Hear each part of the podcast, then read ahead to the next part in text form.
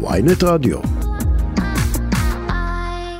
ממתין על הקו איש שעסק אה, פעם או פעמיים בענייני אה, ליבה והמגזר החרדי, חבר הכנסת משה קינלי טור פז, יש עתיד, שלום, בוקר טוב. בוקר טוב ישי, בוקר טוב שרון. אני אסביר מה אמרתי, אתה היית ממובילי הכמעט הסכם שנחתם עם חסידות בלז להכנסת לימודי ליבה במסגרת התמריצים הכספיים שהיו, אה, אה, הקונספט שהמערכת עבדה איתו עד אה, השבוע שעבר.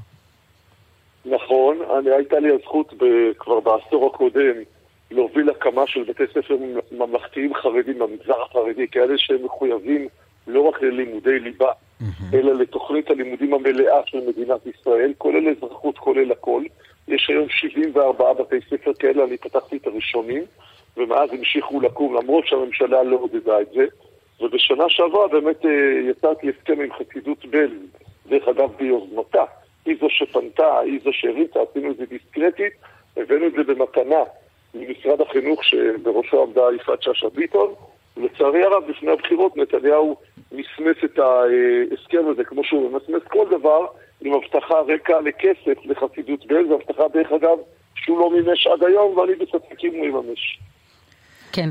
אני רוצה את ההתייחסות שלך, ראיתי את הציוץ שלך על מינויו של אבי מעוז, שוב לסגן שר וראש הרשות לזהות יהודית. אתה אמרת, כתבת לכבוד אה, חודש הגאווה, הנה המינוי אה, הזה. מילים כאלה ואחרות, משהו כזה. תראי, אתה יודע, זה כמו מזג האוויר, כן? אתה, אתה כבר לא יודע עם איזה מכה תקום בבוקר, אם יש שמש, אם יש... פה זה ynet, יש דני רופ חזאי מקצועי, לא כמו בכל הגוגל שאתה מוצא כל מיני חאפרים. באייפון, שלא נדבר על זה. ממשלת נתניהו השישית, אני בטוח שיושבים בוושינגטון ובעוד בירות ברחבי העולם כל מיני אנשים, כמו אצלנו, תופסים את הראש, אומרים מה הם רוצים מאיתנו. תנו לנו קצת שקט במזרח התיכון. אבל לא, אז המינוי מחדש של אבי מעוז, כמנהל התוכניות הקיצוני ביותר שהיה בתולדות מדינת ישראל ב-75 שנותיה, אה, אז היום כבר ראיתי שהשר קיש מסביר שזה לא לגמרי, כן. הוא לא... אני, רגע, אני אקרא, אני אקרא את מה שכותב השר קיש הבוקר. אני מבקש להבהיר, אין כל שינוי במדיניות ובתוכניות ההעשרה של המשרד, כל הסמכויות היו ונשארו בידי משרד החינוך בלבד, והוא מצרף את הקטע הרלוונטי מהחלטת הממשלה שאמורה לעבור היום, אה, שמציין, ובלבד שהדבר לא יפגע בסמכות מסמכויות משרד החינוך, מובהר בזאת כי מערכת זאת תפותח על ידי הרשות לזהות לאומית יהודית, ותהיה מערכת נפרדת מהמערכות של משרד החינוך, וככל שיתבקש מידע ממשרד החינוך, הוא יועבר על פי שיקול דעתו של משרד החינוך, כלומר, אפילו את המידע על איזה תוכניות מלמדים, איפה וכמה, משרד החינוך יכול להחליט לא להעביר. מה הסכנה הגדולה? אבי מעוז קיבל מתנה של 200 ומשהו מיליון שקל, ועוד סערה, ועוד מאבקי כוח. ו... הרי אם אתה צריך להעביר ולהתנצל, וגם לחלק את הסמכויות, כנראה שמשהו לא בסדר. כן, רק נגיד את הנתונים, 120 מיליון לא שקלים, ב... 120 מיליון שקלים בשנת 2023 ו-165 מיליון שקלים בשנת 2024. כלומר, זה, זה הרשות, כן. הרשות בכללותה, כן. כן. נתניהו היה בזמנים אחרים, היה מובך מזה שאדם כזה נמצא בממשלה שלו. הרי קיש היה מת של לא לראות את הזקן של אבי מעוז בבוקר כשהוא בונה תוכניות לימודים. יש פה משהו מאוד מאוד גרוע. החולשה של ממשלת נתניהו השישית נגרמת מזה שהיא נשלטת על ידי אנשים קיצוניים, בן גביר מצד אחד, סמוטריץ' בשני ואבי מעוז בשלישי. לא, אבל, אבל גם קינלי טור פז היה מעדיף, אה, אה, אם יורשה לי, לא לשבת בממשלה אחת עם ווליד טאהא. ובכל זאת הוא עשה את זה כי, כי הנסיבות הפוליטיות אה, משכו לשם. לא נגיד את זה ככה, ואילצו, אילצו ל... אני, אני, כן. אני חולק על ההשוואה שאתה עושה. אני לא עושה השוואה בין אף אחד לאף אחד, אבל אני לא, רק לא, אומר, אני רק אומר שבנסיבות פוליטיות כן. קואליציוניות עושים כל מיני פשרות עם כל מיני גורמים שאתה פחות אוהב את הערכים אה, שהם מקדמים לפעמים. וסליחה שאני אומר, הקואליציה הנוכחית היא תוצר, החיבור הזה ש, שאתה אומר הוא כל כך אה, אה, לא טבעי אפילו לקיש ונתניהו אה, פרסונלית, הוא תוצר של העובדה שהמפלגה שלך ומפלגות אחרות לא מוכנות בשום פנים ואופן לשקול את האפשרות לשבת עם הליכוד בקואליציה אחת, ואומר גבי אשכנזי בסוף השבוע, בראיון ליוסי יהושע, זו טעות שלנו, טעות שלנו כמחנה. אני חולק על הנרטיב הזה ואני אסביר. קודם כל השותפות היהודית-ערבית עם מנסור עבאס הוכיחה את עצמה והיא חשובה מאוד לעתיד מדינת ישראל. עם ממשלת נתניהו אחרי ה... הקשקוש שמכרו על ה-53 מיליארד מאשרת בעצמה את המשך התוכנית ההשקעה בחברה הערבית בדיוק כמו שאנחנו רצינו. זה מוכיח שזו הייתה תוכנית עניינית וטובה, כי בסוף כשאתה משקיע נכון בתשתיות בחברה הערבית, זה מקדם את כלל החברה בישראל.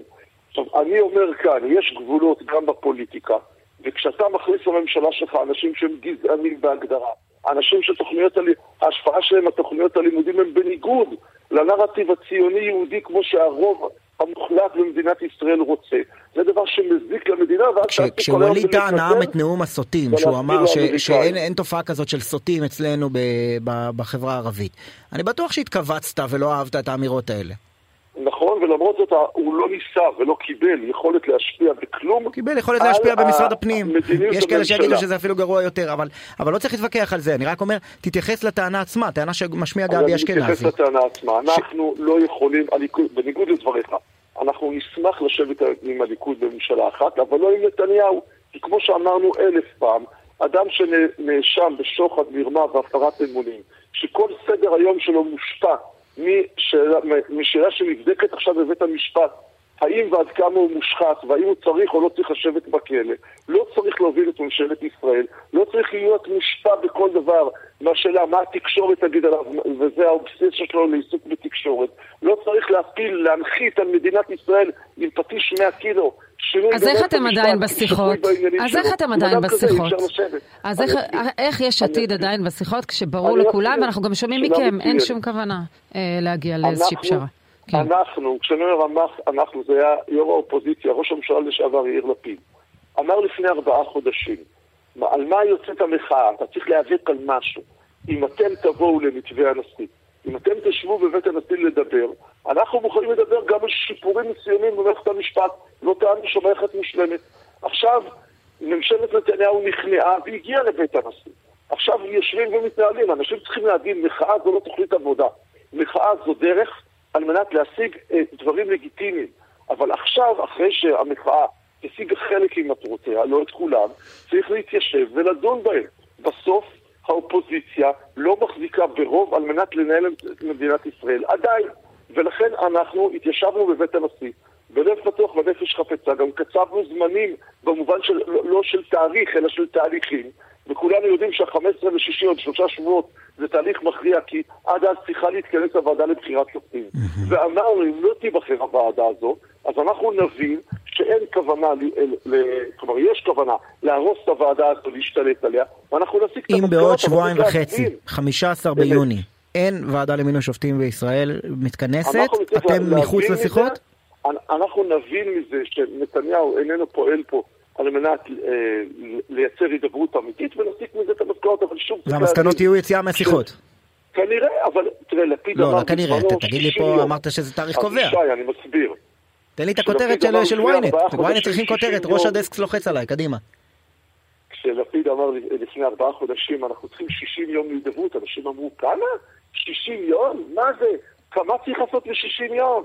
אנשים לא מבינים שכשאתה מנהל משא ומתן, יש לו דינמיקה, יש בו עבודה, יש פה פשרות מסוימות. בסדר, אבל חבר הכנסת קינלי טור פז, ישי פתח את מסך הציוצים שלו.